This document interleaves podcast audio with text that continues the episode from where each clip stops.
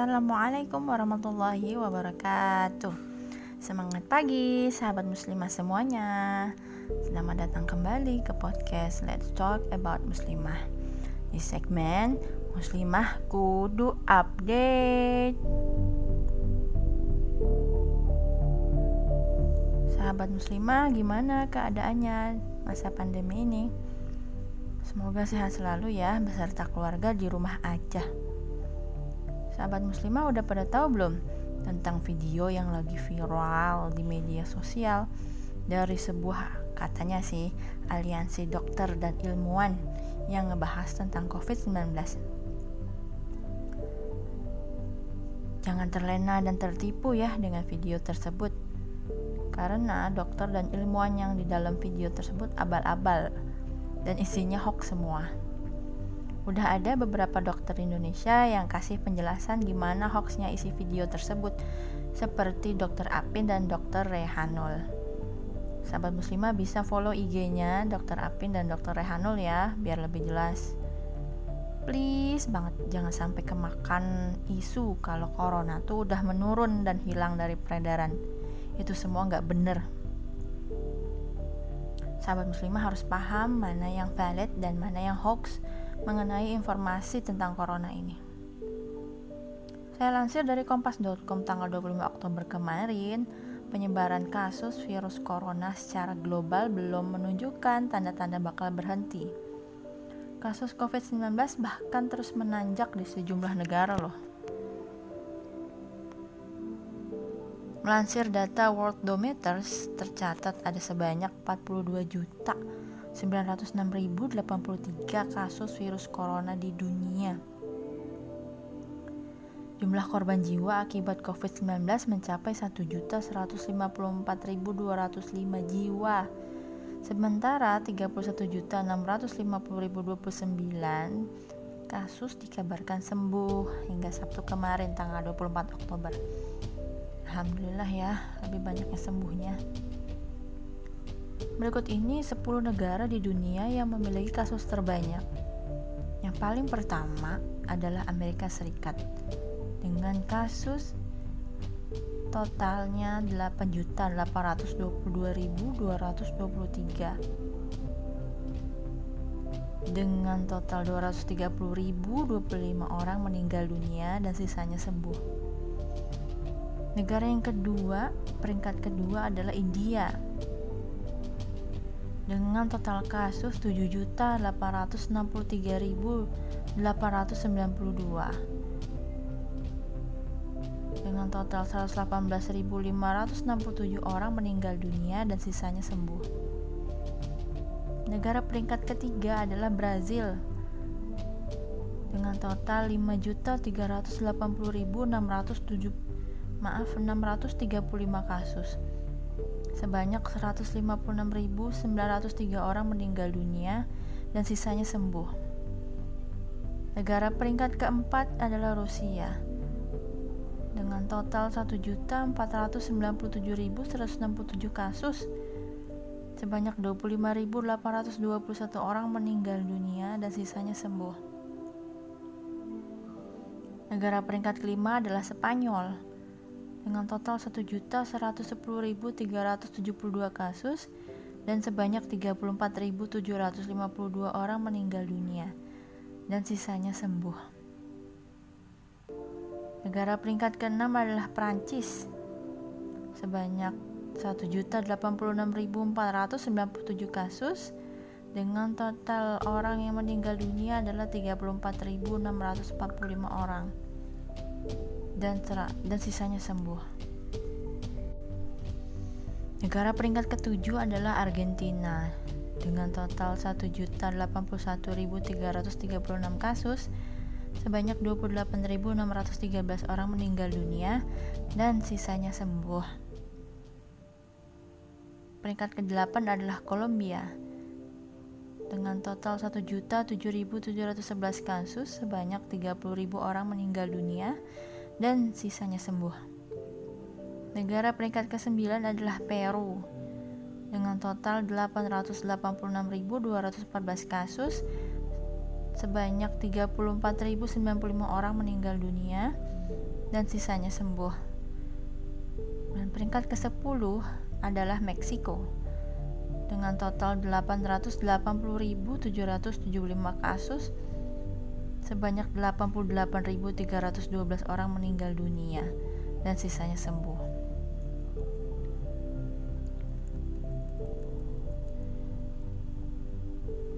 Berita update-nya seputar virus corona di Amerika Serikat masih menunjukkan jumlah tertinggi di dunia. Bahkan Sabtu kemarin tanggal 24 Oktober ada lebih dari 50.000 kasus baru yang dilaporkan. Di Polandia, presidennya dinyatakan positif COVID pada Jumat tanggal 23 Oktober kemarin. Di tampilan videonya, Presiden Polandia sehat tanpa gejala tapi tapi dia akan terus bekerja selama isolasi katanya.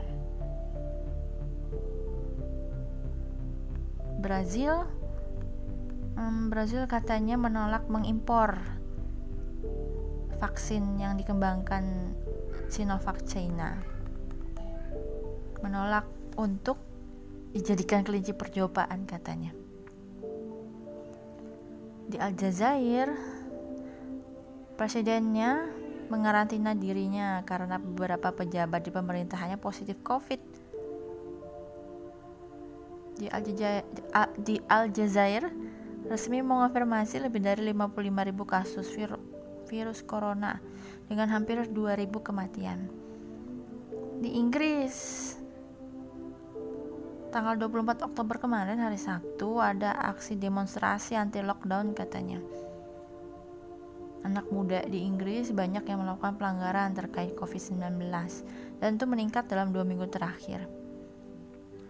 Setidaknya ada 23.000 kasus baru pada hari Sabtu kemarin tanggal 24 yang jum yang mana jumlahnya lebih tinggi dari sehari sebelumnya yang hanya 20.000. Gimana dong dengan Indonesia? Saya lansir dari Instagramnya Pandemic Talks tanggal 21 Oktober 2020 ya. Kasus COVID-19 pada anak-anak aja ada 37.218 kasus dengan kematian anak 208. Kasus anak di Indonesia memang hanya 10% dari total kasus Indonesia. Namun secara nominal angka, kasus anak Indonesia tuh lebih besar daripada total kasus kumulatif beberapa negara. Kematian anak di Indonesia memang hanya satu persen dari total kematian Indonesia, tapi secara nominal angka kematian anak Indonesia lebih besar daripada total kematian kumulatif beberapa negara.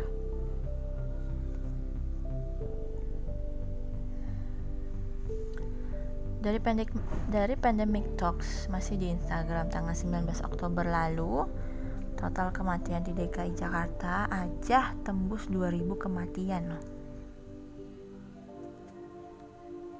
dan rata kematian harian DKI Jakarta naik setelah fase PSBB total kedua. Bahkan kemarin Pandemic Talks mencatat Indonesia tembus 400 ribu kasus. 400 ribu kasus itu setengahnya dari negara peringkat 9 dan 10 yaitu Peru dan Meksiko. Setengahnya lo udah itu 400 ribu bukan duit loh ya tapi itu orang manusia Memang itu orang lain, tapi nggak menutup kemungkinan akan jadi orang terdekat dan tercinta kita. Apalagi nih, walaupun udah sembuh, sekarang ada namanya itu gejala long covid. Yang mana walaupun udah sembuh dan dinyatakan negatif, nggak ada virus lagi, gejala-gejala covid masih dirasakan.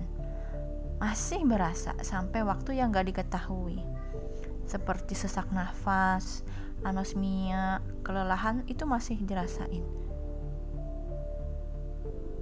Dan nggak tahu sampai kapan. Mau dibawa ke mana Indonesia masa pandemi gini? Belum lagi long weekend ya yang bisa menyebabkan kenaikan kasus baru. Terus kita sebagai muslimah harus gimana? yang harusnya tidak merugikan orang lain dan wajib menjaga kesehatan.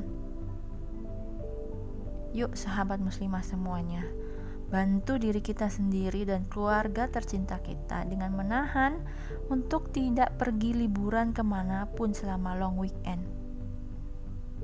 Karena dengan pergi liburan, berarti kita sedang membantu virus COVID-19 bertransmisi, menyebarkan virusnya dan memperlambat proses penanganan pandemi.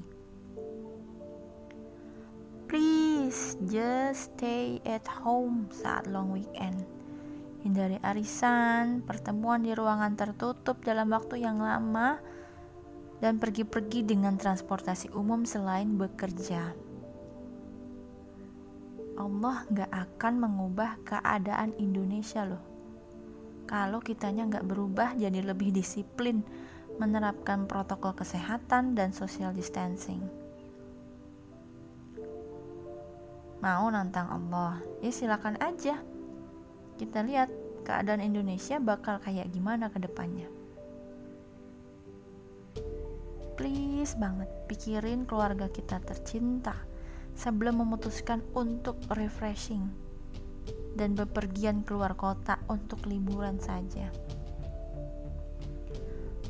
Kalau nggak bisa bermanfaat untuk orang lain, setidaknya jangan merugikan orang lain karena sebaik-baik manusia adalah yang bermanfaat untuk sesamanya. Itu aja untuk muslimah kudu update hari ini. Semoga bermanfaat dan ada hikmah yang bisa diambil. Kesalahan pasti datangnya dari saya pribadi. Mohon maaf lahir batin ya. Terima kasih sudah mendengarkan dan sampai jumpa di podcast saya selanjutnya. Assalamualaikum warahmatullahi wabarakatuh.